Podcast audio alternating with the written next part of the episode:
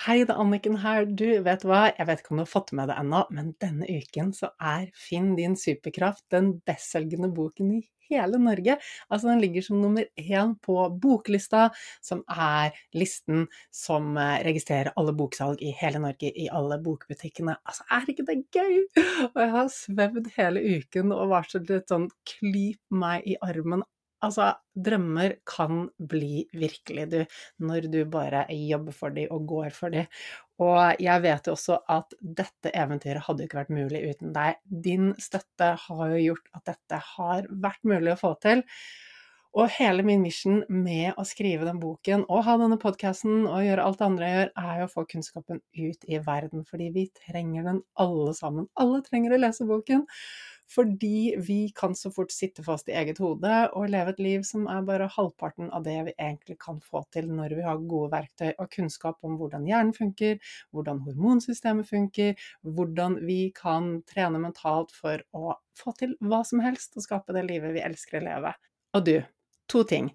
Den 14. mai så inviterer jeg deg til lanseringsfest. Det er en digital lanseringsfest som er åpen for alle, og den skal holde sammen med Marius Sørli fra Heart Mentality. Han har vært inne her på poden på to episoder også. Fantastisk fyr, og vi skal dra i gang skikkelig god stemning, skikkelig fest, masse mentalt påfyll, du kan stille spørsmål og det morsomste av alt er at vi skal lodde ut en del premier. Det blir utlodding av eh, Ja, jeg skal ikke røpe alt, men blant annet så lodder vi ut et par billetter til den fysiske lanseringsfesten som er i Oslo uken etter der igjen. Og der kommer det jo masse folk du helt sikkert kjenner i min omgangskrets, og Torkel Færø, som har skrevet forordet til boken, skal også ha et bidrag på scenen. Og det blir god mat fra bl.a. Happy Foods og masse annet spennende. Så bli med på den digitale lanseringsfesten, så kan du også vinne en billett til den fysiske lanseringsfesten i Oslo, og den er da 21. mai. Og du, hvordan blir du med på den digitale lanseringsfesten? Du trenger å registrere deg, så jeg vet hvor mange jeg skal lage rom til i Zoom. Og da går du til annikenbinds.com, og så skriver du skråstrek digital strek boklansering. Der finner du det. annikenbinds.com skråstrek digital strek boklansering, og så finner du det. Og finner du det ikke, så send meg en melding eller e-post, så skal jeg gi deg linken så du får registrert deg, sånn at du kan være med på festen. Tirsdag 14. mai klokken åtte. Vi holder på maks én time. Eh, og enda en kul ting, onsdag 15. mai, til de av dere som bor i Bergen og bergensområdet, onsdag 15. mai klokken 18.00 så er jeg på Nordli i Strandgaten 1 og signerer boken. Altså, bare kom innom. Ta med deg boken om du ikke har fått den signert ennå. Du kan også kjøpe boken der, men bare kom innom. Gi meg en klem. Si hvem du er. Si hva podkasten, kurs eller boken har betydd for deg. Jeg har så lyst til å møte deg på ekte. Altså, det er fantastisk at vi har muligheten til å ha kontakt gjennom sosiale medier og alle andre digitale plattformer, men det å møtes på ekte er helt magisk.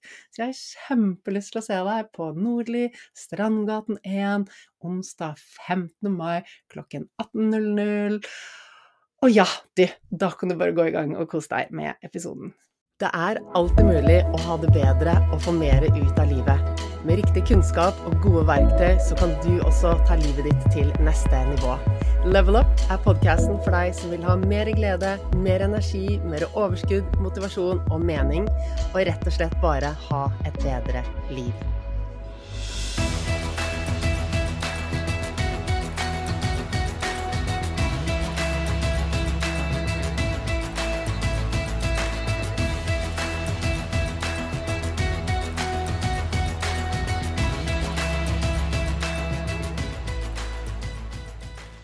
Hva er antiinflamatorisk livsstil? Hva, hva, har inflammasjon med helsen vår å gjøre, med energien vår, med hvordan vi har det å gjøre? Hvorfor er det viktig at vi begynner å tenke mer helhetlig på helsen vår, og på det å hva som skal til for å kunne leve et godt liv, og hvilke ting kan du begynne å gjøre for å leve et liv som gir deg mer av det du ønsker. Dette er noen av de tingene som Gunhild og jeg kommer inn på i dagens, i ukens episode av Level Up. Og Gunhild er lege og psykiater og brenner for å opplyse deg og alle andre om hvordan alt henger sammen i kroppen. At vi ikke bare kan se på én ting, men at det fysiske påvirker det mentale og emosjonelle, og den andre veien rundt også. Så jeg er sikker på at du kommer til å ta med deg masse, masse nyttig kunnskap fra dagens episode.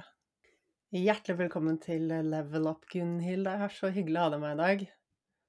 Tusen takk, Anniken, og takk for at du inviterte meg igjen. Vi hadde jo litt trøbbel med lyden sist, så jeg håper vi får til det nå. Det hadde vi. Vi har mm. faktisk spilt inn denne episoden her en gang før, for et halvt år siden mm. ca.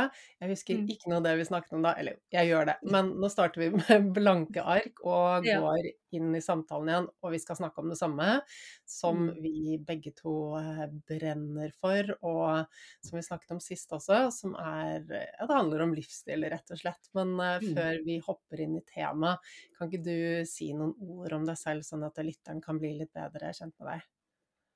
Eh, ja. Eh, jeg er jo utdannet eh, lege.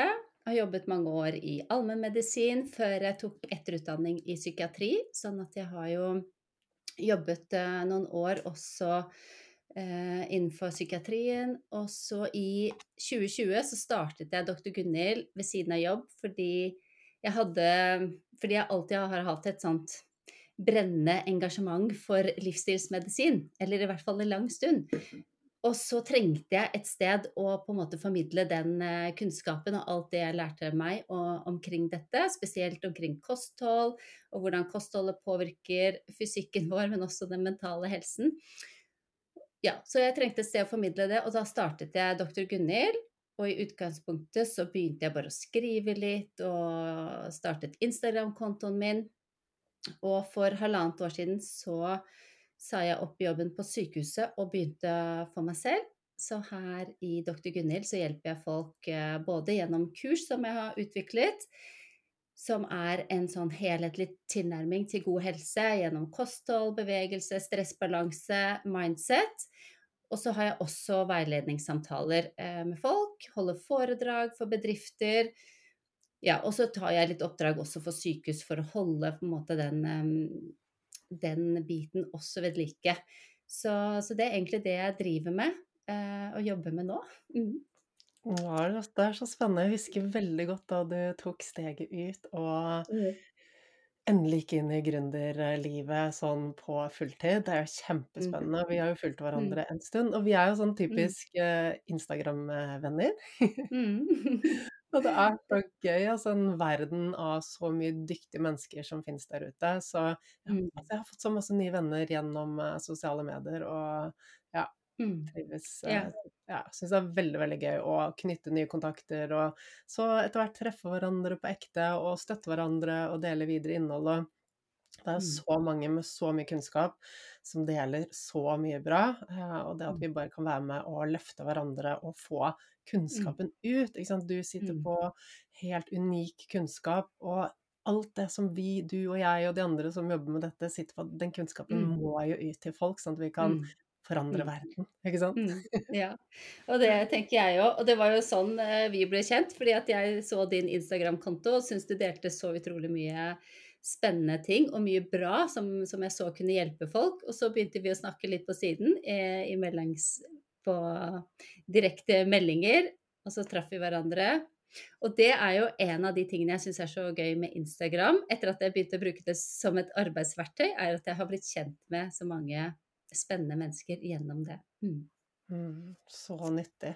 Og vi mm. gikk jo en tur, nå er det kanskje halvannet år siden allerede, vi gikk mm. tur og tok et lite bad, det husker jeg. Og da hadde du brukt denne pulsmåleren en stund og fortalt mm. meg en del om det, og det var sånn jeg bare Wow, det må jeg også begynne med. og jeg husker du fortalte meg at eh, du, du, så effekten bare At det roet nervesystemet ditt bare du var liksom ved vannet. Mm. Mm. Ja, det er helt fantastisk. Og heldigvis da, så bor jeg i nærheten av vannet. Jeg ser ut på vannet nå. Og det var jo et valg vi gjorde for noen år siden, ganske mange nå, kanskje 10-12 år siden, at vi flyttet ned til Arendal nettopp for å bo ved vannet.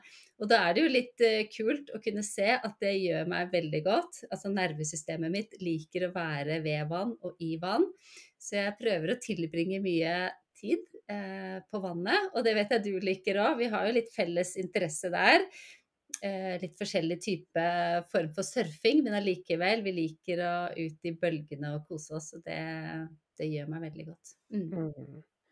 Og jeg har fundert litt på dette, for eh, det er klart at eh, du har gode assosiasjoner til vannet, ikke sant. Det har jeg også. Jeg Mm. hadde ikke det, for jeg, jeg likte ikke å være i vannet i det hele tatt. Jeg var sånn, jeg Mm. skal være på fjellet. Hver sommerferie så var jeg bare jeg var på fjellet hele tiden. og hadde ikke noe behov for å være ved vannet, men det har jo endret seg etter at jeg begynte å surfe eh, og har blitt glad i vannet og liksom overkommet vannskrekk og de tingene. Så nå har jeg veldig gode assosiasjoner til vannet. Men i Mm. tillegg så får jeg enda mer sånn Jeg vil ha vann fordi jeg også har en, en sånn sterk sannhet om at det er bra for helsen min. Men Mm. Så, så jeg tror at det, både hos deg og meg så vil jo det slå veldig positivt ut, fordi at vi, ja, vi har denne forhåndsinnstilling som er bare Mm, vann er bra mm. for meg. Men hva tenker du om eh, en person som liksom bare er helt nøytral til vannet? Hvilken effekt vil det å være ved vannet og i vannet ha, tenker du? Jeg tror det vil ha en positiv effekt på alle. Så det har ikke bare med min relasjon til vannet å gjøre som sådan. Så vi vet jo at det å være i naturen, det, bare det å se naturen og være i naturen, det er det gjort studier på at det, det roer nervesystemet vårt. Og det, om man ikke har mulighet til å være ved vannet, så vil jo skogen eller være i fjellet gi litt av den samme effekten. Så det, eh, det ble jo gjort en studie på det, hvor mye tid trenger man da å bruke i, i naturen i løpet av en uke for å få en god effekt. Og det var gjort en studie i Michigan, tror jeg, på noen studenter der. Og da ø, prøvde de å finne the sweet spot for hvor ø, mye tid. Og da anbefalt, eller de fant at hvis man brukte 20-30 minutter tre dager i uka, så fikk man en god effekt. hvor Man kunne se en god effekt på stresshormonene våre som, som senket seg.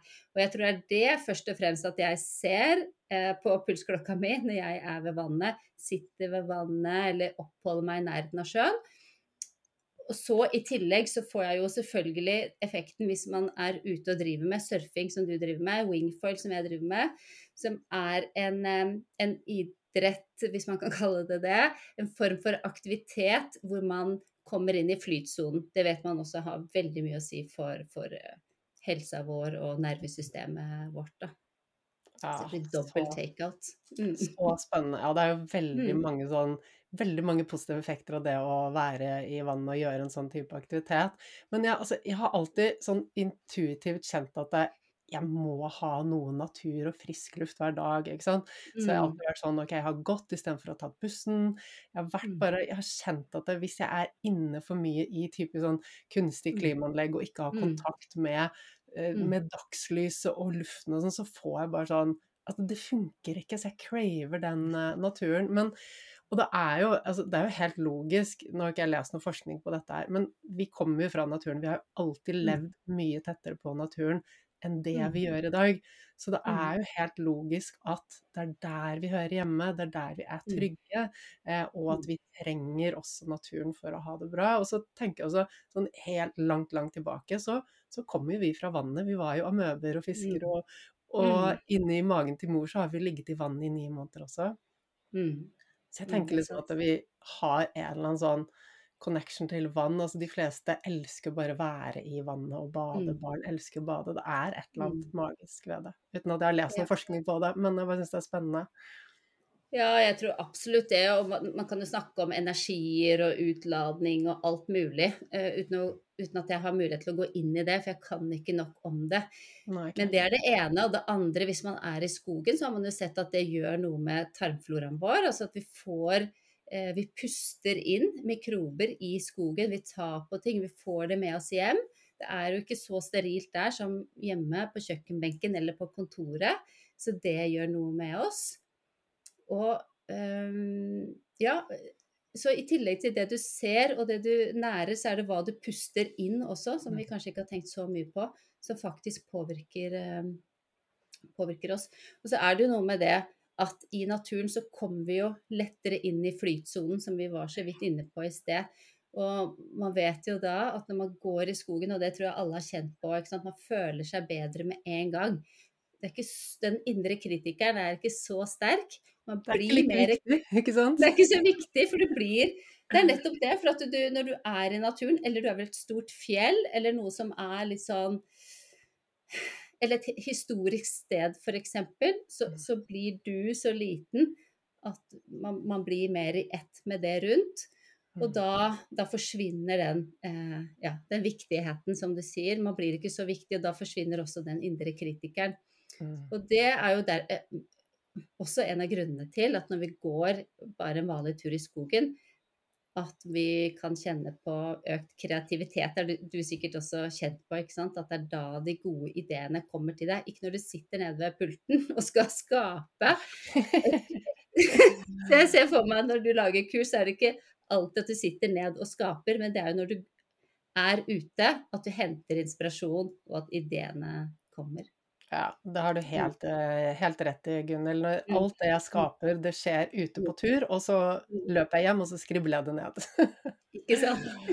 så, ja, naturen har mye effekter, ikke sant? og det å gå har jo også en positiv effekt på oss, og vi tenker bedre mm. når vi går også. Og så kommer jeg over, nå husker jeg ikke helt, men det er også gjort studier på liksom bare det utsikten man har ut av vinduene, om det bare er liksom betong og, og, mm. bygningsmasse versus om du ser noe grønt, da, hvilken, effekt, hvilken effekt det også har på, på stress og immunsystemet. Så mye, mye positivt der. Mm, det er klart det har mye å si. Veldig mm. spennende. Men nå snakker vi oss litt, uh, litt dypt inn i temaet før vi på en måte har kommet inn i det. Og jeg tenker at det, det, det, beste stedet å starte er egentlig historien din. Den syns jeg er veldig fin og beskriver mye av det som både du og jeg er interessert i å jobbe for. Mm. Ja, vil du høre litt om det? Jeg har jo Ja. Ikke sant. Jeg stud... Uh, hvor skal jeg begynne? Jeg har alltid vært opptatt av, eller i hvert fall helt siden jeg begynte å studere medisin, så har jeg vært opptatt av forebyggende helse, forebyggende medisin. Hvordan kan vi holde oss friske og unngå å bruke medisiner? Jeg har drevet med idrett da jeg var yngre og vært en aktiv mosjonist eh, i voksen alder. Og sånn sett vært opptatt av å spise sunt og holde meg i form. Men allikevel så ble jeg ganske syk. Det vil si, det var kanskje ikke så synlig fra utsiden, men jeg hadde det ikke noe bra. Uh, og jeg var stort sett i jobb, men på, i flere perioder så var jeg sykemeldt, enten 100% eller delvis, fordi at det, jeg var veldig, veldig utmatta. Det var det verste symptomet. Men jeg hadde Altså, de symptomene jeg hadde, det gikk jo på tarmproblematikk, dårlig fordøyelse, mye hudproblematikk, eksem og kviser og, og, og, mye sånne tilstander eh, i huden, rett og slett. Jeg hadde mye matintoleranser, allergier. Så fikk jeg en brystbetennelse uten at jeg ammet, så dette var jo veldig spesielt. Eh, så det var helt tydelig at det var et eller annet som en eller annen underliggende ubalanse i kroppen min som skapte betennelser som poppet opp i, i symptomer her og der. Og bare for å legge til, så hadde jeg jo også en sånn um, litt uvanlig øyebetennelse.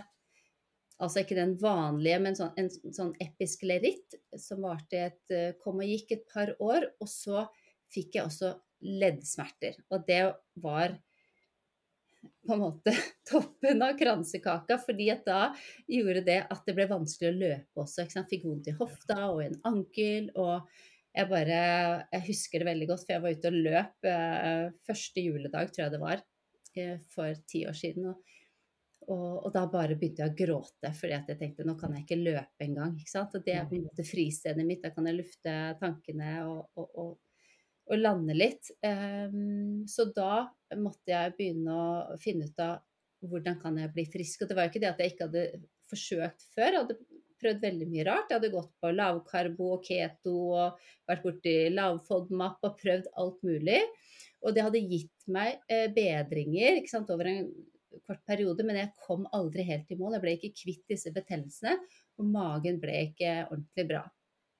Så jeg måtte begynne å lese meg opp på hva er det hva er sammenhengene mellom hva jeg spiser, tarmflora, inflammasjon, sykdom Og så begynte jeg å se litt sammenhenger, og så måtte jeg teste ut eh, et annet type kosthold. Og så, ja.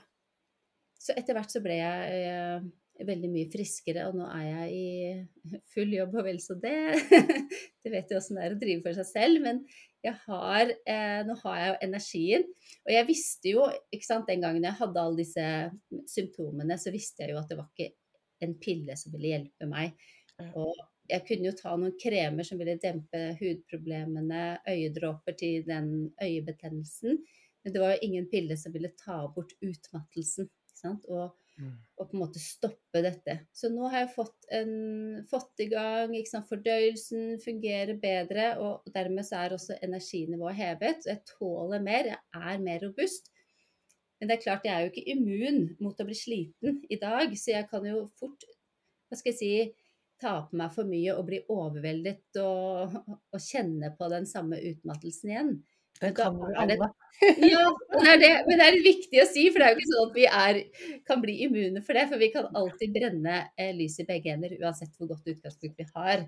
Mm. Og så Derfor så må jeg hele tiden jobbe med, med denne balansen. For at, mm. eh, når man har mye energi, mange ideer, så er det så mye man har lyst til å gjøre. Og det er veldig bra, men det er noe med å legge inn de pausene. Mm når, når, eh, når, jeg møter veggen, da. Eh, eller møter veggen, ja, du skjønner hva jeg mener. Jeg kjenner på det. Ja, og, men det syns jeg er så utrolig fint at du sier. For, og jeg mm. kjenner på det akkurat det samme også. Jeg tenker at det, dette er viktig for de som lytter, som kanskje er et sted hvor de kjenner på utmattelse.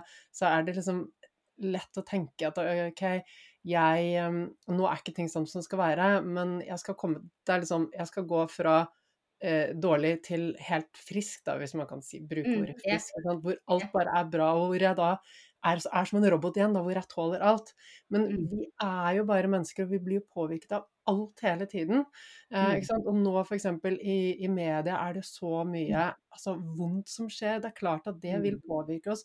Så alle små ting i livet vårt, det, det, liksom, det fyller den stressbøtten da, som, som, er en belastning på oss. Og det vil variere i perioder hva vi tåler, og vi, vi tåler ikke vi tåler ikke å bare gjøre, gjøre uten å lade batteriet, uten å ta pauser. Det mm. trenger å være en balanse mm. der.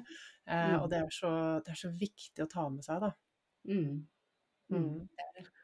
Men det jeg er litt sånn nysgjerrig på, for de tingene, de symptomene som du nevner her, og det, det er jo så gøy at du sier at liksom, okay, du visste at det var ikke en pille som ville fikse det, men likevel så er det sånn, veldig mange av de tingene du beskriver, det er jo sånn som er veldig hverdagslig for mange. Vi lever med mm. infeksjoner, det er betennelser. Så får vi en krem, vi får en pille. Eh, og mm. så er det litt plagsomt, men så blir vi vant til det, og så går vi bare videre. Og så kjenner vi på at vi kanskje er litt sliten og kommer hjem fra jobb, så er jeg mm. helt tom. og eh, Våkner på morgenen og har ikke energi. Og så blir det del av hverdagen, og sånn det bare er. Mm. Mm. Ja, og det tenker jeg er veldig uheldig. Fordi at det er et tegn som vi må ta på alvor, tenker jeg. Og jeg opplevde jo det veldig òg i den perioden hvor jeg var veldig sliten og utmatta. Eh, for det første, når jeg snakket med folk om det, så, så er det vanskelig Hva skal jeg si? Alle andre kjente også på den slitenheten. Så blir det sånn, mer sånn kamp om hvem er mest sliten. Uh, og det er nå så. Men jeg mener, hvis det er så mange som er der ute som er så slitne og kjenner på dette, og kjenner på kanskje noen av de symptomene jeg hadde, eller noen andre, så er det viktig å ta det på alvor. fordi det, det er kroppen som sier ifra at det er noe som ikke er bra. Og hvis dette står over tid, så blir vi virkelig syke. Mm. Jeg hadde jo ikke en ordentlig sykdom, jeg hadde litt symptomer her og der og noen prosesser og hudutfordringer. Men hadde dette stått over tid, så ville det gitt seg utslag i høyt blodtrykk, overvekt, eh, diabetes type 2 eller en autoimmun sykdom eller psykisk lidelse. Dvs. Si jeg kjente meg ganske nedstemt, så det kan godt hende jeg krysset av på den.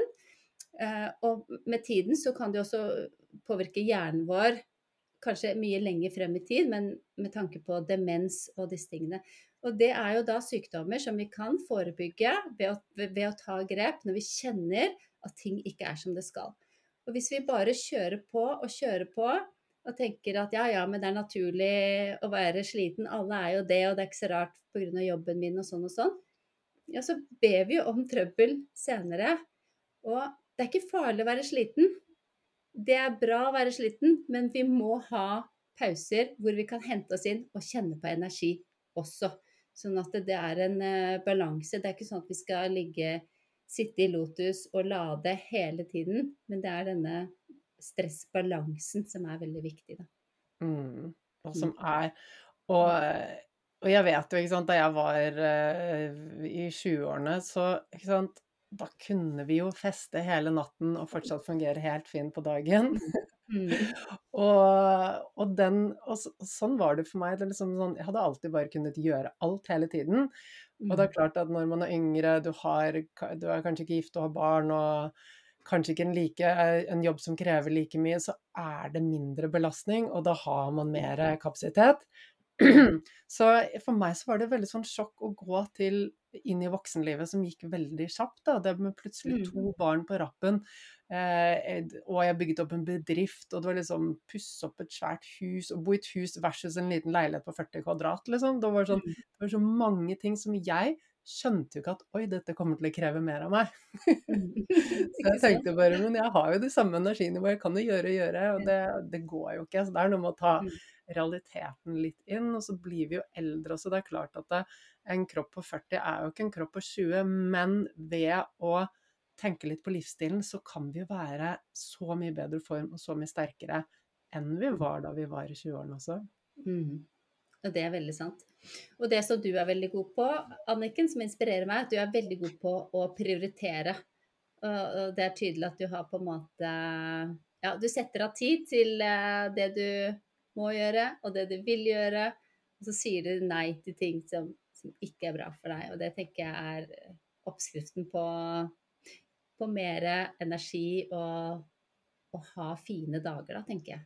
Ja, og jeg tenker mm. det er altså oppskriften på å overleve i det samfunnet vi lever i, hvor det er så mye mm. valg, det er så mye mm. informasjon, og det er så mye spennende. Og jeg har allerede i dag takket nei til flere sånn Å, foredrag, kan vi møtes og ta en kaffe? Alle ting som jeg bare Å, jeg har så lyst til å gjøre det. Og så bare skal vi se på kalenderen min Nei, da, jeg skal skrive ferdig bok. Det går ikke. Jeg kan ikke gjøre begge deler. Nei, jeg vet. Det er, det er, vanskelig, det der. Men det er jo et luksusproblem òg, da, tenker jeg. At man må si nei til eh, ting og til invitasjoner. At man har eh, Ja, fyller opp boka med ting forhåpentligvis man, som man har lyst til å gjøre. Det er jo et luksusproblem, så det, ja. så det er bra. Mm. Det er det. Vi er privilegerte. Mm. Uh, men uh, hvilket ord liker du best å bruke? Lavinflammatorisk eller antiinflammatorisk? Jeg hører at de brukes litt om hverandre når vi liksom snakker om den livsstilen som du fremmer. Jeg pleier å bruke antiinflammatorisk, og det er mm. egentlig bare fordi at uh, da jeg Eller når jeg leser om det på engelsk, så er det ofte de, det uttrykket som brukes mest. Så, Ikke sant. Mm. Og vil du forklare liksom litt nøyere eh, hva skjer egentlig? Så du har gjort mange endringer med livsstilen. Du, du var jo tydelig at det, du hadde betennelser i kroppen. Eh, mm. og, og, hvordan henger det sammen med livsstilen? Kan vi liksom bare gå litt mer inn i det, sånn at vi mynten detter ned hos alle her? ja, ja. Så det er jo flere faktorer som påvirker helsa vår, men det er i hvert fall eh, to faktorer som er kjempeviktige, som jeg har i fokus når jeg, når jeg, skal hjelpe folk eller hjelpe meg selv. Og det er inflammasjon, og så er det energiomsetningen i cellene eller mitokondriefunksjonen. Og disse to henger veldig tett sammen og påvirkes av hverandre. Og inflammasjon er jo egentlig en viktig forsvarsmekanisme som kroppen vår har. Så det er jo immunsystemet som prøver å forsvare oss mot uønskede inntrengere eller reparere skader. F.eks. hvis jeg får et kutt i huden eh, med en eh, kniv som kanskje er skitten, så trenger jeg, trenger jeg en inflammatorisk respons for at immunsystemet skal kunne reparere det. Fordi da skjer det Da er det immunceller er det jo i hele kroppen vår. De sitter jo lagret i lymfeknuter. Noen svømmer rundt i blodet, og så er det ganske mange langs tarmkanalen vår. Og når noe sånt skjer, at vi får et kutt f.eks., så, så sier disse inflammasjonscellene som er i nærheten der, nå alarm, alarm, her er det fare på ferde, og sender ut stoffer til resten av kroppen, sånn at de tilkaller eh, hjelpestyrker. Så kommer det flere immunceller til. Disse soldatene til eh, immunsystemet vårt hjelper til, reparere såret og spise opp de bakteriene som ikke skal inn i, i, kroppen vår. Så da er det en inflammatorisk respons som er bra, og som redder livet vårt. Så uten inflammasjon så overlever vi ikke. Og hvis du tråkker over og får en hoven anker, så er det, det er det immunsystemet som er på gang for å reparere. Så det skal vi ønske velkommen. Problemet oppstår når vi får en sånn lavgradig inflammasjon hele tiden. Altså det er et eller annet som som trigger immunsystemet vårt hele tiden, sånn at det ikke kommer tilbake til hvile. Og, og, disse, og, det som kan trigge immunsystemet vårt, er veldig mange forskjellige ting. Men det kan være f.eks. maten vi spiser, for at maten vi spiser kan inneholde Det kan være mat som ikke ligner på mat, som vi spiser, som det er mye snakk om om dagen. Ultraprosessert mat. Og det kan være at maten vi spiser, også også påvirker tarmfloraen vår negativt, sånn at tarmfloraen vår blir såpass uh, i ubalanse og ugunstig at det gir en uh, beskjed til immunsystemet. 70% av immunsystemet vårt sitter jo langs mage-tarmkanalen. Hvis det er en ubalanse eller mye dårlige bakterier inni tarmfloraen, ja, så, så er det kommunikasjon mellom disse systemene. Og da reagerer immunsystemet på det. Alarm, alarm. Her er det skikkelig dårlig stell i tarmen, og da skaper det inflammasjon. Så Derfor så er det vi spiser, veldig, veldig viktig. Men det er veldig mange andre faktorer også som kan skape økt inflammasjon, og det er stress, f.eks. Mange mekanismer det eh, påvirker inflammasjon, men bl.a. så påvirker det jo faktisk hvordan tarmen vår fungerer. Altså hvis vi blir veldig stressa, så kan vi få akutt diaré. Eller hvis vi er eh, stressa over lang tid, så kan man få forstoppelse f.eks. For og dette igjen påvirker jo tarmfloraen ugunstig, og så får vi det som man kaller en dysbiose, altså en ubalanse i tarmfloraen. Så er vi der igjen. Stress, eh, høyt blodsukker, altså hvis vi har et uregulert blodsukker, så kan det gi inflammasjon. Og det, eh, disse, både tarmflora og blodsukker, påvirker også mitokondriefunksjonen. Og det er jo så spennende. Ja. Så, så, dette er et komplisert tema, men bare for å nevne de siste tingene som påvirker egentlig både inflammasjon og mitokondriefunksjon, så er det bevegelse, altså stillesitting er jo veldig ugunstig, eller for mye trening, eh, for det blir for mye belastning ensomhet er, eh, liker ikke immunsystemet vårt. Og det er kanskje ikke så rart, for er vi ensomme, er vi alene, er vi sårbare. Det er farlig. Det er ikke bra for oss. Så det, det liker ikke systemet vårt. Og, og, hvordan vi snakker til oss selv. Altså negative tanker kan også påvirke øh, immunsystemet vårt negativt. Tidligere traumer kan påvirke systemet negativt. Så, så, det er mange faktorer som, som påvirker. Så, og nå har jeg sikkert ikke nevnt alle. Men du kan si at alle disse eh, faktorene kan man gjøre noe med, og dermed bedre helsen, da. Mm. Mm. Ah, det er så spennende. Og så tenker jeg sånn Oi, nå, her var det jo mange ting, ikke sant. Så det sånn Å, det, er, mm. Eh, det, det, kan være lett å tenke Å, jeg må gjøre alt det her for å ha det bra. Mm. Eh, men det er jo sånn Ingen kan være perfekte hele tiden. Og vi, vi mm. tåler jo ganske mye. Og så handler det jo om å Ikke sant. Hvor kan vi starte? Hvilken lille ting kan jeg starte med å få en endring? Og når vi mestrer én ting, så vil det være så mye lettere å legge til én ting til og legge til én mm. ting til. Eh, og vi har jo hele livet foran oss på å lære mer om helsen og gjøre endringer. Og, og den kunnskapen vi sitter på nå, Gunhild, den er jo sånn og om et par år så kommer det til å være masse ny kunnskap. ikke sant? Mm, eh, mm. mye ny forskning som kommer til å eh, lære oss enda mer om disse tingene. Jeg tenker at vi er bare i startfasen av et sånn et kjempespennende felt av dette med mm, mm. helhetlig helse og livsstil, hvordan alt henger mm. sammen. Eh, og at vi ikke kan liksom separere ok, du har en infeksjon her og der. Ja, du kan ta øyedråper eller noe krem, men, men det gjør ikke noe med årsaken. Det er en grunn til at, de, at det dukker opp. Og jeg, også, jeg hadde jo Før så hadde jeg liksom så ofte sånn derre sånn soppinfeksjon, urinveisinfeksjon, mer Mm. forkjølelser og sånn. Og Mm. mannen min også sier at det før han traff meg, da spiste han jo bare sånn altså, Grandiosa og kneippbrød og liksom bare sånn Ja, ja. en, en burger på burgersjappa og sånn. Så han bare Han var så mye sånn alltid et eller annet med sånn luft og munn og svelg og en eller annen sånn utfordring da, med type forkjølelsesvirus eller noe. Mm. Eh, vi er jo ikke syke lenger.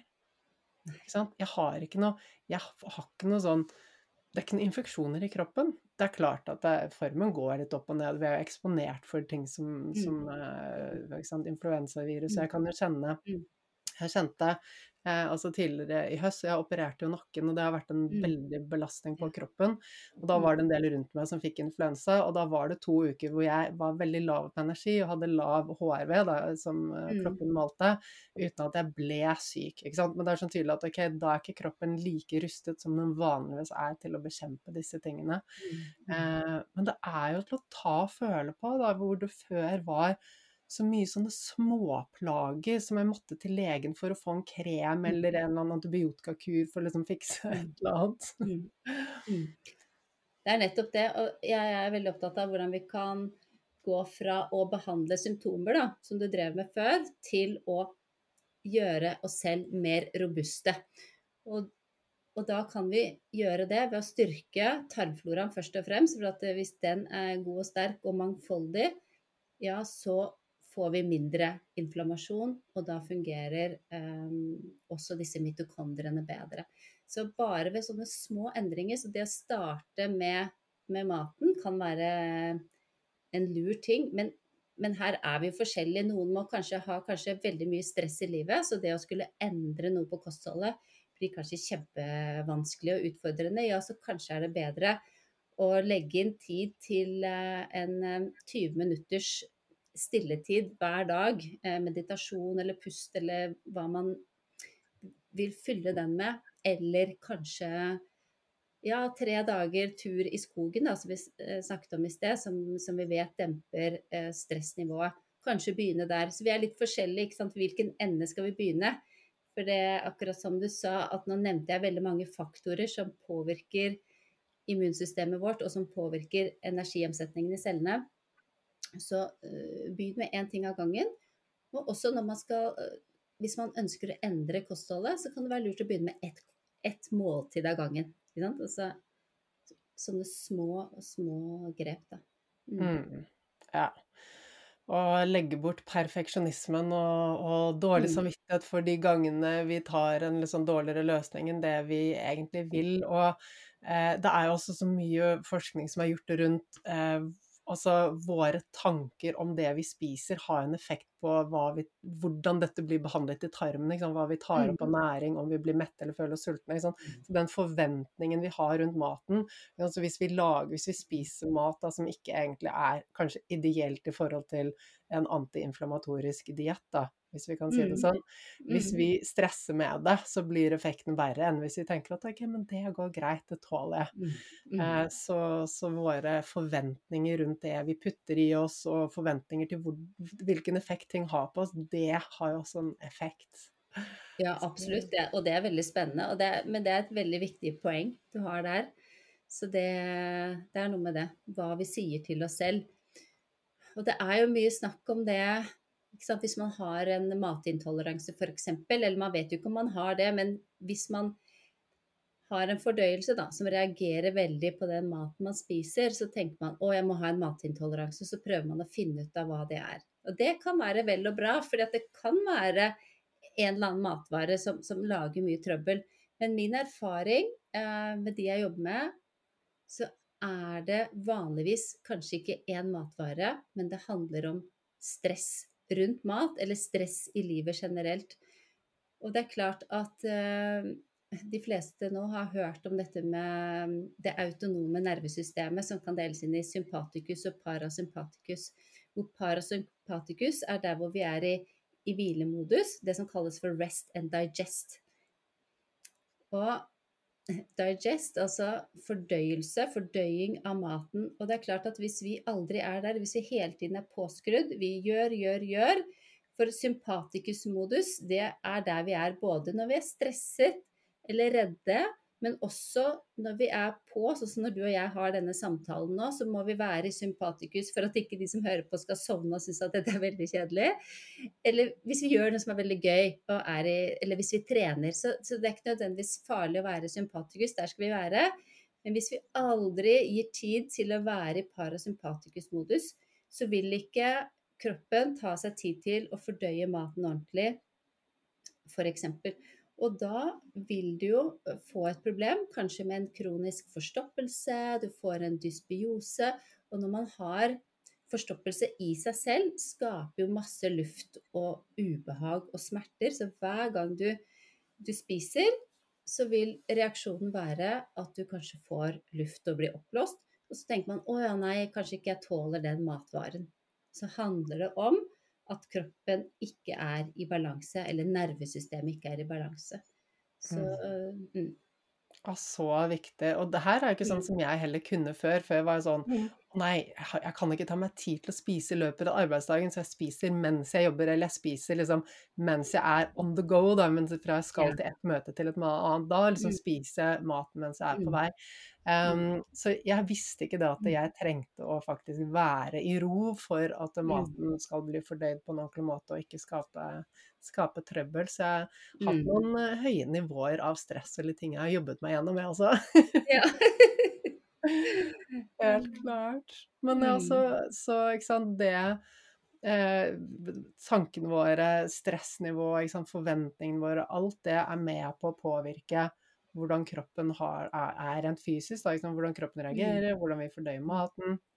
Eh, og eh, Det er mye vi kan si om hvordan tankene våre kan påvirke oss rent fysisk også, men det fins også studier som viser hvordan da Og du nevnte jo også i sted at du var jo nedstemt. Hvordan dette mm. med eh, altså ubalanse i tarmen og inflammasjon rett og slett påvirker oss mentalt også. Kan ikke du si litt om mm. det?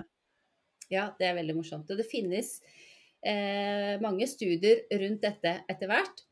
Og bare for å ta den sammenhengen mellom inflammasjon og hvordan vi føler oss, eller tankene våre, så er det gjort eh, noen studier rundt det som er litt spennende. Fordi det var gjort en studie i København, var det i, tilbake i 2014, tror jeg, hvor de hadde ville se på om inflammasjon, hva det gjorde med hvordan man snakket til seg selv. Og da tok de prøver av 70 000 mennesker i København by. Og målte CRP, altså en sånn blodprøve som kan måle hvor mye inflammasjon du har i kroppen. Og så fikk de et spørreskjema hvor de skulle eh, si noe om hvor, hvor mye negative tanker de hadde. Altså snakke om den, den, indre kritikeren, det som sier 'jeg er ikke bra nok, jeg duger ikke' og alt det her. Og da var det helt tydelig sammenheng mellom CRP-nivå og den indre kritikeren, jo høyere CRP, jo mer forekomst av negativ selvsnakk. Og det er jo veldig fascinerende i seg selv. Så da ser man en sammenheng, men man vet jo ikke om inflammasjonen skapte de tankene, eller tankene skaper inflammasjon. Mest sannsynlig går det litt begge veier. Men Eh, det var noen som ville finne ut av om man kan bli deprimert av å gå med kronisk inflammasjon. Og da er det gjort to eh, gode studier i København. Eh, den ene er gjort på ungdom, hvor de har fulgt barn fra 9-årsalder mm, til 18-årsalder. Så har de målt CRP-nivåer når de var ni år gamle, og så har de gjort intervjuer da de var 12 og når de var 18. Og der var det også en tydelig sammenheng mellom de barna som hadde inflammasjon i kroppen da de var ni år, hadde mye høyere sannsynlighet for å utvikle depresjon i 18-årsalder, eller i løpet av de årene de ble fulgt opp. Og så ble det også gjort en studie av eldre mennesker, eller rundt 60 års alder, hvor de fulgte opp disse menneskene over flere år. Og da var det de som hadde høy CRP eh, da studien startet, hadde høyere sjanse for å ha depresjon eh, var det ca. åtte år etterpå. Og det var en mye sterkere sammenheng hos de som var kvinner. Altså de hadde mye større mm. sannsynlighet for å utvikle depresjon ved, eh, ved inflammasjon. Da. Så, det, så der eh, var det helt eh, tydelig at eh, inflammasjon skaper gjør noe med hjernen vår. og sånn, Det er noen som har sett på litt sånn mekanismer rundt det, og man ser at når vi har for mye av disse inflammasjonsstoffene i hjernen vår, så, så, gjør det noe med nervecellene. De fungerer ikke så bra, det blir tregere kommunikasjon. Sånn at det, dette påvirker tankene og følelsene våre. Mm. Så det er ganske Jeg tenker at det er viktig selvfølgelig å jobbe med tanker og følelser og hvordan vi snakker til oss selv når vi har det vondt. Hvis vi er en negativ spiral, hvis vi føler oss nedstemt, er deprimert. Men hvorfor ikke også se på det som kanskje gir litt um, hva skal jeg si, bensin på bålet hele tiden, da, og dempe det. Kanskje ligger, kanskje er det noe i tarmen, kanskje er det noe annet. Hvis vi kan dempe det, så trenger vi ikke å gå i terapi hele livet, holdt jeg på å si. Ikke mm. sant. Mm. Og vi, vi, vet jo at mat er medisin, det har mm. en god effekt på oss. Vi vet at naturen har en god effekt på oss, bevegelse. Mm. Eh, og det er jo ikke sånn eh, forskning også som viser at bare det å trene har en større, bedre effekt enn lykkepiller. Så det er så mm. mange sånne ting som som vi bare OK, mm. hvorfor, hvorfor får vi ikke dette inn i helsevesenet? Men det er klart at det er jo eh, Å få folk til å endre vaner er jo mye vanskeligere enn å gi dem en pille. Ja, det er jo det. Men jeg tror at uh, når folk forstår sammenhengen, så er det mm. lettere.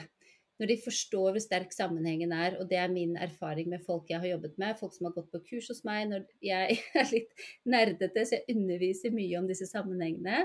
Og det syns folk er morsomt, for da ser de sammenhengene. og da, da blir en helt annen måte å tenke helhetlig helse på. fordi at Eller livsstil, da. Fordi livsstil har jo ofte det å få til livsstilsendringer har veldig ofte handlet om å skulle ned i vekt.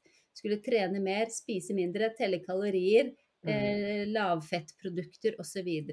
Veldig kjedelig tilnærming. Men når du heller tenker, skjønner hvordan det egentlig henger sammen Å ja, jeg må spise for at disse tarmbakteriene mine skal ha det bra. Så vil de være med og beskytte meg sammen med immunsystemet. Jeg blir mer robust. Jeg får mindre inflammasjon. Jeg får mindre av disse negative tankene Å ja, OK. Og så vil det også selvfølgelig eh, ha positive effekter også på andre måter enn den mentale helsen. Men eh, jo, i hvert fall så er det, syns folk da at det er mye lettere og mye mer gøy da, å gjøre endringer. Ja. Og, så, og når man begynner å gjøre noe for seg selv, så er jo det eh, altså, det engelske ordet 'empowering', da, det, jeg klarer ikke helt å beskrive det like bra på norsk, men du får jo, mm. du får mye mer følelsen av at du aktivt gjør noe bra for deg selv når du tar ansvar og gjør en ting. Og det gjør at mm. du, du vokser i indre styrke og følelse av mestring og det kontroll over ditt liv, da, versus at du mm. er bare passasjer. Jeg tror det er kjempeviktig.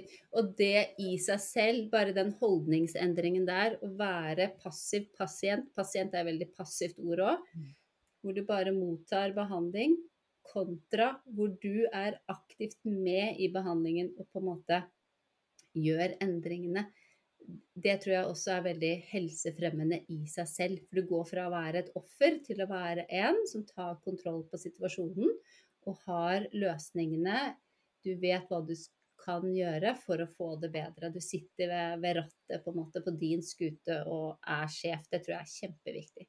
Ja, det gir jo mm. sant, tro og håp, det gir kraft. Det er. Det er så viktig for å ha det godt i livet, da, og, og mm. virkelig kunne være i førersetet. Men du, sånn, før du gikk ut og, og, begynte å holde online-kurs og alle de tingene, da du jobbet mer um, Da du jobbet i psykiatrien, eh, hvordan, mm. hvordan, tilnærmet du deg pasientene når du skulle liksom OK, ja, jeg ser at du har det ille, og så mm. skal du hjelpe dem til å få til livsstilsendring. Kan ikke du fortelle litt om det? Ja, Altså, jeg syns jo det var vanskelig å jobbe med en pasient uten å snakke om livsstil, fordi at det er kjempeviktig. Og, skjønner jeg. og på den tiden så var det kanskje ikke så vanlig Når jeg snakket med mine kollegaer, så var de også opptatt av Eller de visste jo at livsstil hadde noe å si, men kanskje ikke forståelse av hvor kraftfullt det egentlig er, da. Og så og så var jeg jo opptatt av at når en pasient ble henvist til poliklinikken for en depresjon f.eks., så måtte vi gjøre blodprøver, se hva er det er det noe underliggende galt her. Og da husker jeg han veilederen min sa at ja, men det må jo fastlegen gjøre. Fordi at uh, fastlegen tar seg av det somatiske. Og så sier jeg ja, men det er jo vi som er spesialister på psykiatri. Det er jo vi som må vite hvilke blodprøver som er riktige for psykiatrien. Ja, det hadde han ikke tenkt på helt. Fordi at hvis du, hvis du er fastlege og henviser til en revmatolog, så er det revmatologen som tar de prøvene som er spesielle for, for leddplager og muskelplager. Så hvorfor skal ikke psykiateren ta blodprøver som har med eh, det mentale å gjøre, eller psykisk lidelse? Så, så, det har jeg i hvert fall Det fortsatte jeg med. Jeg var veldig opptatt av at jeg skulle ta de prøvene i hvert fall som enten ikke var gjort, eller som jeg tenkte var viktig. Sånn at vi får kartlagt det. Det er absolutt ikke alt vi kan finne på blodprøver, men av og til finner vi noe der. Så var jeg selvfølgelig opptatt av å hjelpe Altså, en som er deprimert, er nødt for å komme i bevegelse. Bruke naturen og komme ut. Det er kjempevanskelig. Men liksom jobbe sammen med pasienten til å finne hva er det som kan passe for akkurat deg. Og så forsøkte jeg meg jo på kostholdsveiledning. Men det er ikke så lett mens man sitter i samtaleterapi, for at du har kanskje satt av Vi har god tid. Har, som, som, en psykiater så har du gjerne tre kvarters eh, timer. Men det er vanskelig å få inn begge deler. Du må på en måte ha fokus på én ting. Um, men jeg hadde spesielt én pasient som hadde veldig mye utfordringer med mage-tarm og var sykemeldt, jeg tror 50% pga. det. En irritabel tarmfunksjon. Og han gikk jo i behandling, og vi brukte metakognitiv terapi. Han fikk det litt bedre, han begynte å komme seg ut, brukte sykkel. Men så tenkte jeg jeg er nødt for å ta opp dette. Jeg er nødt for å gå i bunns med dette mat- og hva skal jeg si, fordøyelsesproblematikken. Vi, eh, så vi satte av noen timer til det, og han syntes det var veldig rart å komme der på en uh, poliklinikk til en psykiater og snakke om mat og fordøyelse. så det var veldig For han så var det helt krasj. Så, men uh, det ble bedre, og han ble gradvis bedre. Så um, Men det var ikke den ene tingen, det var jo alle. Det var jo mm. kostholdet, bevegelsen. Og så var det noe med ja, en del andre ting vi gikk inn på også, som, som gjorde at han uh, spiste sunnere og tok bedre vare på seg selv. Og, og snakket litt penere til seg selv osv. Så, videre. så så det er den helheten da, som jeg er opptatt av, som jeg tror er kjempeviktig, og som, som, jeg håper at vi kan få mer og mer også inn i sykehuset etter hvert. da. Og det mm. handler jo, fordi at det er viktig for mental helse, men det er også viktig for eh, hjertesykdommer, autoimmune sykdommer og, og, alle typer De fleste sykdommer så er det viktig. Mm. Ja, det er kjempeviktig å tenke hva det koster samfunnet, det at vi ikke jobber forebyggende med det her. Ikke sant? Det er jo bare hva det koster økonomisk, men også i lidelser, folk som faktisk er syke, hvordan det påvirker familier og relasjoner. Når ja, vi har så mye sykdom som kunne vært eh, som, som, vi ikke hadde trengt å ha hvis vi hadde hatt mer mm. kunnskap om å jobbe forebyggende istedenfor bare lappe på symptomene. Ja, og jeg må bare komme med det, fordi at uh, i og med at du spurte om noen studier i sted. Når det kommer til dette med, med mat og mental helse, så er det jo gjort noen studier nettopp på, på kostholdsendring. Altså, I stad så snakket jeg jo om inflammasjonen i seg selv. Men det er jo et senter i Australia som heter The Food and Mood Center, er det det det heter? Hvor uh, hun som leder det, er en psykolog som heter Felice Jacka. Og hun laget en veldig god studie for noen år tilbake som heter The Smile Study, hvor, de, hvor det var en vanlig psykiatrisk poliklinikk hvor folk kom inn. Uh, det var folk med depresjon, ca. 200 pasienter delte i to. Den ene gruppen fikk kostholdsveiledning, og da brukte de De ga veiledning om et uh, typisk middelhavskosthold. Som jo Et middelhavskosthold er jo Det er veldig fargerikt, mye plantebasert. Det er litt kjøtt og litt fisk. Og mye nøtter og belgvekster. Ofte ganske og det gir en um, Det er ikke så mye raske karbohydrater. da. Lite raske karbohydrater, det er mye Ja. Så det er typisk middelhavskosthold. Og den andre gruppen fikk eh, ikke noe kostholdsveiledning, men de, kontrollgruppen fikk møte til en ukentlig samtale i gruppe for å veie opp. fordi at bare det å møte i en gruppe i seg selv er jo eh, bra for, hvis man ikke har det så godt med seg selv. Så de gikk altså til vanlig terapi, vanlig samtaleterapi og de medisinene de måtte ha, og så ble det delt i disse to gruppene. Og da var det den gruppen som fikk kostholdsveiledning som tilskudd, fikk i løpet av en tolv ukers periode 32% ble, fikk remisjon, altså de ble, ble, bra av sin depresjon, mot 8% i den andre. Så det er stor, stor forskjell.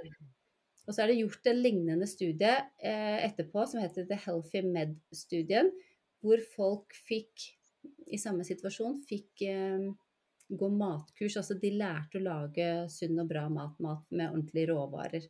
Så det er det som er fokus. da, Råvarebasert, mye fiber og mat som gir en, et stabilt blodsukker. Og det har gitt uh, veldig gode resultater. Mm. Så spennende. Og det her kommer det bare til å komme mer og mer eh, forskning på fremover, eh, regner med. Det er så viktig å tenke vi har så mye makt til å kunne skape en bedre verden for alle. Og vi vet jo at en av de tingene som, som kanskje hindrer denne utviklingen, er litt sånn hvor sitter pengene? De som betaler for forskning, er jo de som kan dra nytte av et eller annet. Så hvem er det som tjener på at flere skal spise eh, råvarebasert? Det er ikke noen mm, store produsenter som tjener på dette. Så det er klart at det. Der har vi en liten utfordring. Og, men eh, nå er det så mange krefter på gang, og det er så mye mennesker som er opptatt av mm. dette helhetlig. Og hvis vi ser på sant, verden og samfunnet som helhet, hvor mye det vil spare både i lidelser og mm. i penger, rett og slett, eh, når vi forebygger istedenfor å reparere i ettertid. Ja, ja. Det er jo enorme mengder. Mm. Og, nei, og så er det jo lett å tenke at ja, for en del pasienter så kan, det være, så kan det nettopp være økonomiske insentiver eller økonomiske utfordringer som, som, kan stå i veien. Så er det noe med Ja, kanskje de skulle heller fått noe tilskudd til å, å lage den maten, da. Altså hvor, hvordan skal vi se på disse budsjettene? Jeg vet jo at folk f.eks. med cøliaki, de får en del tilskudd for å kunne kjøpe glutenfri mat. Mm. Og kanskje kan man se på den måten isteden. Jeg vet ikke, jeg kan ikke løse disse problemene nå. Men, men, det er klart at jeg tror at folk ikke forstår helt hvor sterk disse sammenhengene er. Hvor viktig maten er. Og det er jo også en annen eh, psykiater nå som har gitt ut en bok for et år eller to siden som heter The Brain, eller Brain Energy. Som handler om eh, mitokondriefunksjon i hjernen. Og han har jo jobbet med alvorlig psykisk eh, syke pasienter med psykoselidelser og gjort de friske med kosthold. Da har det jo vært eh, kosthold som har vært eh, spesielt med blodsukker. Da, satt de på en ketodiett. Men han anbefaler også typ middelhavskosthold, så det, det er ikke sånn at det er nødvendigvis én diett som passer perfekt for alle. Men han har han sier i hvert fall at denne keto-dietten kan være et viktig verktøy i en sånn situasjon hvor hva skal jeg si, blodsukkerkontrollen er helt uh, hva, jeg, ja, hva heter det? Ute.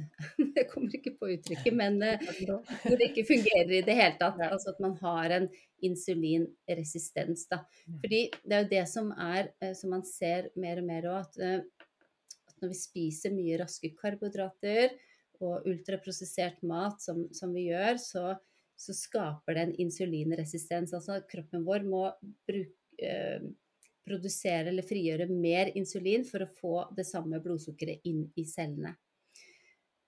Og dette kan pågå i veldig mange år før vi utvikler diabetes type 2 og det dukker opp på en blodprøve. Så, og i mellomtiden der så kan vi ha ganske mange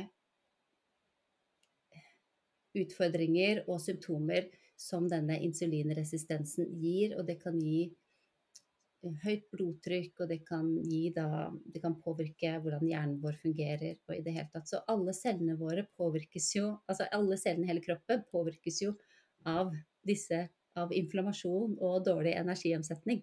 Så det Ja. Jeg Mm. håper det ga mening, men eh, Ja. Mm. Altså, kjempespennende. mm, Og den personen du snakker om, er Chris Palmer, ikke sant? Ja. de som er Mm. interessert. Mm. Har fortsatt Mm. boken på leselisten, har ikke kommet dit ennå.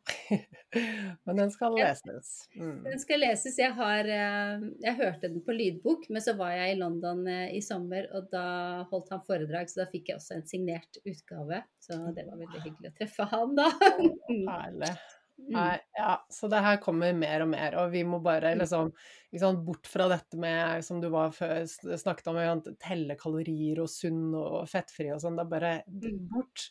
Tenke Mm. på sant, tarmen, på cellene, det er helse fra innsiden og ut. Og når vi Mm. har en sunn kropp i balanse, så vil vi også ha normal vekt. ikke sant? Bare Mm. Mm. ta bort det fokuset som, som fører til stress og som fører til dårlig matvalg, og heller bare tenke helse.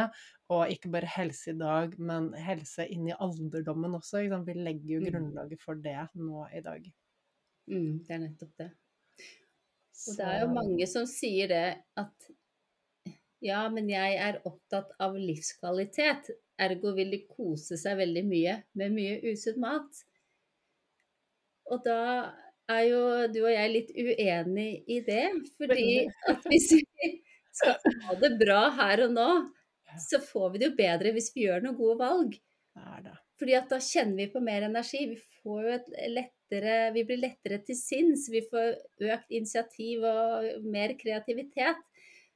Og da blir det også mye lettere å ta de valgene. Og så er det jo sånn, og det ser jeg òg med de jeg jobber med, at det du spiser, det får du lyst på. Så når du spiser veldig usunn mat, så er det det kroppen din higer etter. Mm. Men når du er blitt vant til å spise mye grøntfôr og belgvekster og sunn mat uten de raske karbohydratene, så er det det kroppen din higer etter. Du har lyst på en fresh salat. Det er det som blir kos. Det er det som blir kos. Ja. Ja.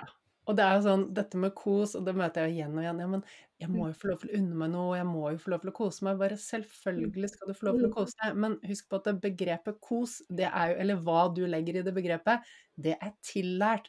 Du er ikke født med en sannhet om at kos er potetgull, i sofaen på fredagene. Det er noe du har lært deg til. Eh, og det er klart at vi kan holde fast ved de vanene som er ja, men jeg må ikke få lov til å kose meg. Ja, vi kan holde fast i det, men hvis det ødelegger for oss, er det kanskje på tide å begynne å revurdere hva vi legger i kos. Og, og det er rett og slett bare vaner.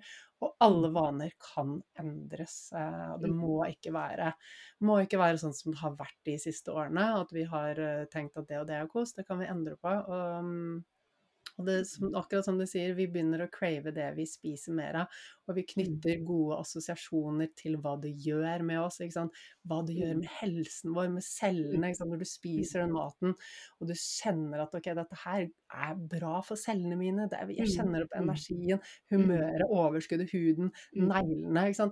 Du bare Altså, jeg har fått Før så bare brakk jo neglene mine, de var så tørre og fliste opp hele tiden. Og nå er det bare sånn, de vokser og vokser, og jeg syns det er kjedelig å file de, for de blir så lange.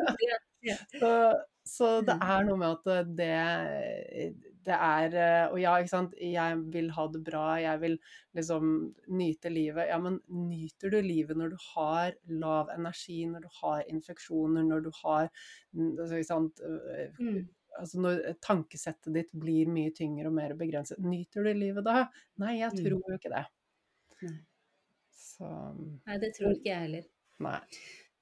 Så ja, en liten sånn alvorsprat her på slutten, men jeg, jeg, jeg syns det er viktig at vi snakker om de begrepene og, og, og løfter, løfter disse temaene uten at noen skal liksom Dette er ikke noe snakk om noen pekepinger, dette er ikke liksom Pekefinger heter det kanskje.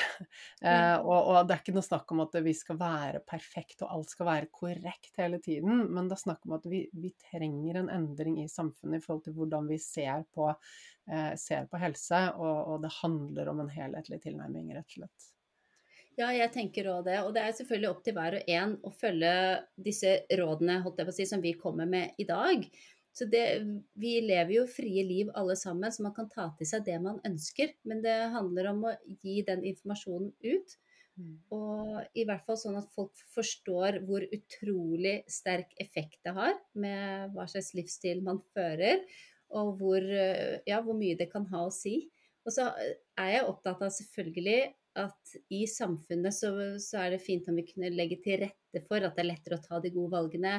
Lære barna mer om sunn mat, kanskje innføre mer si, frukt og grønnsaker inn i skolen, hvor de kan uh, gå og forsyne seg av sånne ting. Lære barna det.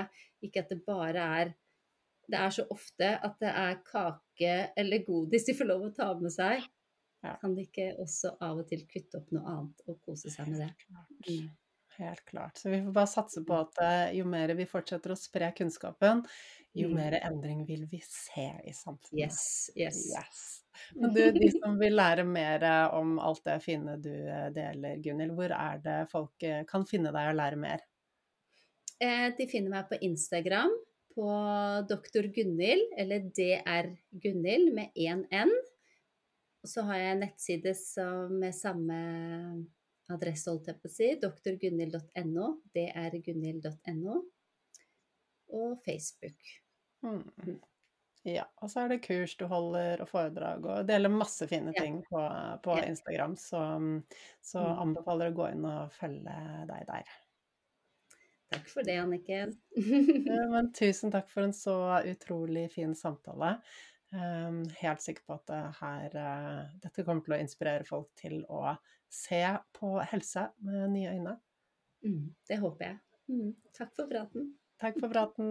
Så nå håper jeg at du er litt mer klokere på hva dette med antiinflammatorisk eller lavinflammatorisk livsstil er, hva det handler om, hvorfor det er viktig, og at du også tar med deg det perspektivet at du kan ikke endre alt på én gang, men hver lille ting du gjør i retning av et liv som er altså mer i balanse, eller et liv som er bedre for kroppen din, da. En livsstil som nærer cellene dine og helsen din, energien din. Eh, lille, hver lille ting du gjør, hvert lille, lille, skritt du tar, det vil bidra. Og i det lange løp så har det så mye å si. Så legg fra deg den tanken om at alt må være på én måte, for det vil det ikke være. Ikke vi gjør så godt vi kan, og det er ikke alltid ikke sant? Jeg f.eks. når jeg er hjemme og kan lage maten selv, så har jeg mye mer kontroll over hva jeg putter i meg, enn når jeg er på reise. Når jeg er på reise, så spiser jeg det jeg får tak i. Jeg er ikke Jeg går ikke rundt og er sånn eh, pirker og fussy og kan ikke spise det, eller Jeg spiser det som jeg får. Og jeg tror det er viktig at vi har litt sånn fleksibel tilnærming til dette med livsstil. Hvis det skal bli stress å måtte holde oss til et eller annet regime, så er det ikke bra for oss. ikke sant? Husk hva Gunhild og jeg snakket om, at faktisk stress påvirker fordøyelsen. Eh, og om vi stresser, så blir jo ikke maten ordentlig fordøyd. Og det er jo masse forskning også som viser hvordan det vi tenker, faktisk har en effekt på hva som tas opp, og hvilken effekt maten har på oss. Slapp av ha et avslappet forhold til, til, livet ditt og de tingene du gjør. Kos deg og vær stolt av de tingene du gjør som er bra. Og så vær raus, aksepterende overfor de tingene som du kanskje er sånn 'Å, jeg burde ikke gjort det', og Det er så lett å begynne å kritisere seg selv for ikke liksom leve opp til, en, til et ideal, men, men, bare legg bort det, og vær raus og vite at det beste du kan gjøre for helsen din, eller en av de beste tingene, er jo å være snill med deg selv. Ikke sant? Gunhild var også innom dette med hvordan negative tanker har en negativ effekt på helsen din. Så være snill med deg selv. Du kommer så langt med det. Og når du er snill med deg selv, så blir du ikke lei deg på samme måten. Du får ikke behov for å trøstespise eller binge på Netflix eller gjøre sånn ukonstruktive ting. Når du er snill med deg selv, så får du også lyst til å gjøre gode ting. Du får lyst til å investere i egen helse og gå en tur istedenfor å gjøre noe som ikke er så konstruktivt. Så, så, start med, hvis jeg skulle bedt deg starte et eller annet sted, start med å være snill med deg selv. Så vil du se at det flere og flere puslespillbrikker faller på plass etter det. Så tagg gjerne meg og Gunhild i sosiale medier når du lytter til episoden. Del med oss hva du får ut av den, hva du tar med deg, hva du lærer. Og så blir jeg også så takknemlig når du abonnerer på podkasten, når du laster ned episodene. Og det er fordi at det hjelper oss til å komme høyere opp på listene, sånn at flere får hørt på podkasten, og da får vi forandret verden. Da er du med på å forandre verden, fordi denne kunnskapen, den trenger vi å få ut. Så jeg setter utrolig stor pris på at du bidrar der. Og så gleder jeg meg til å se deg igjen neste uke.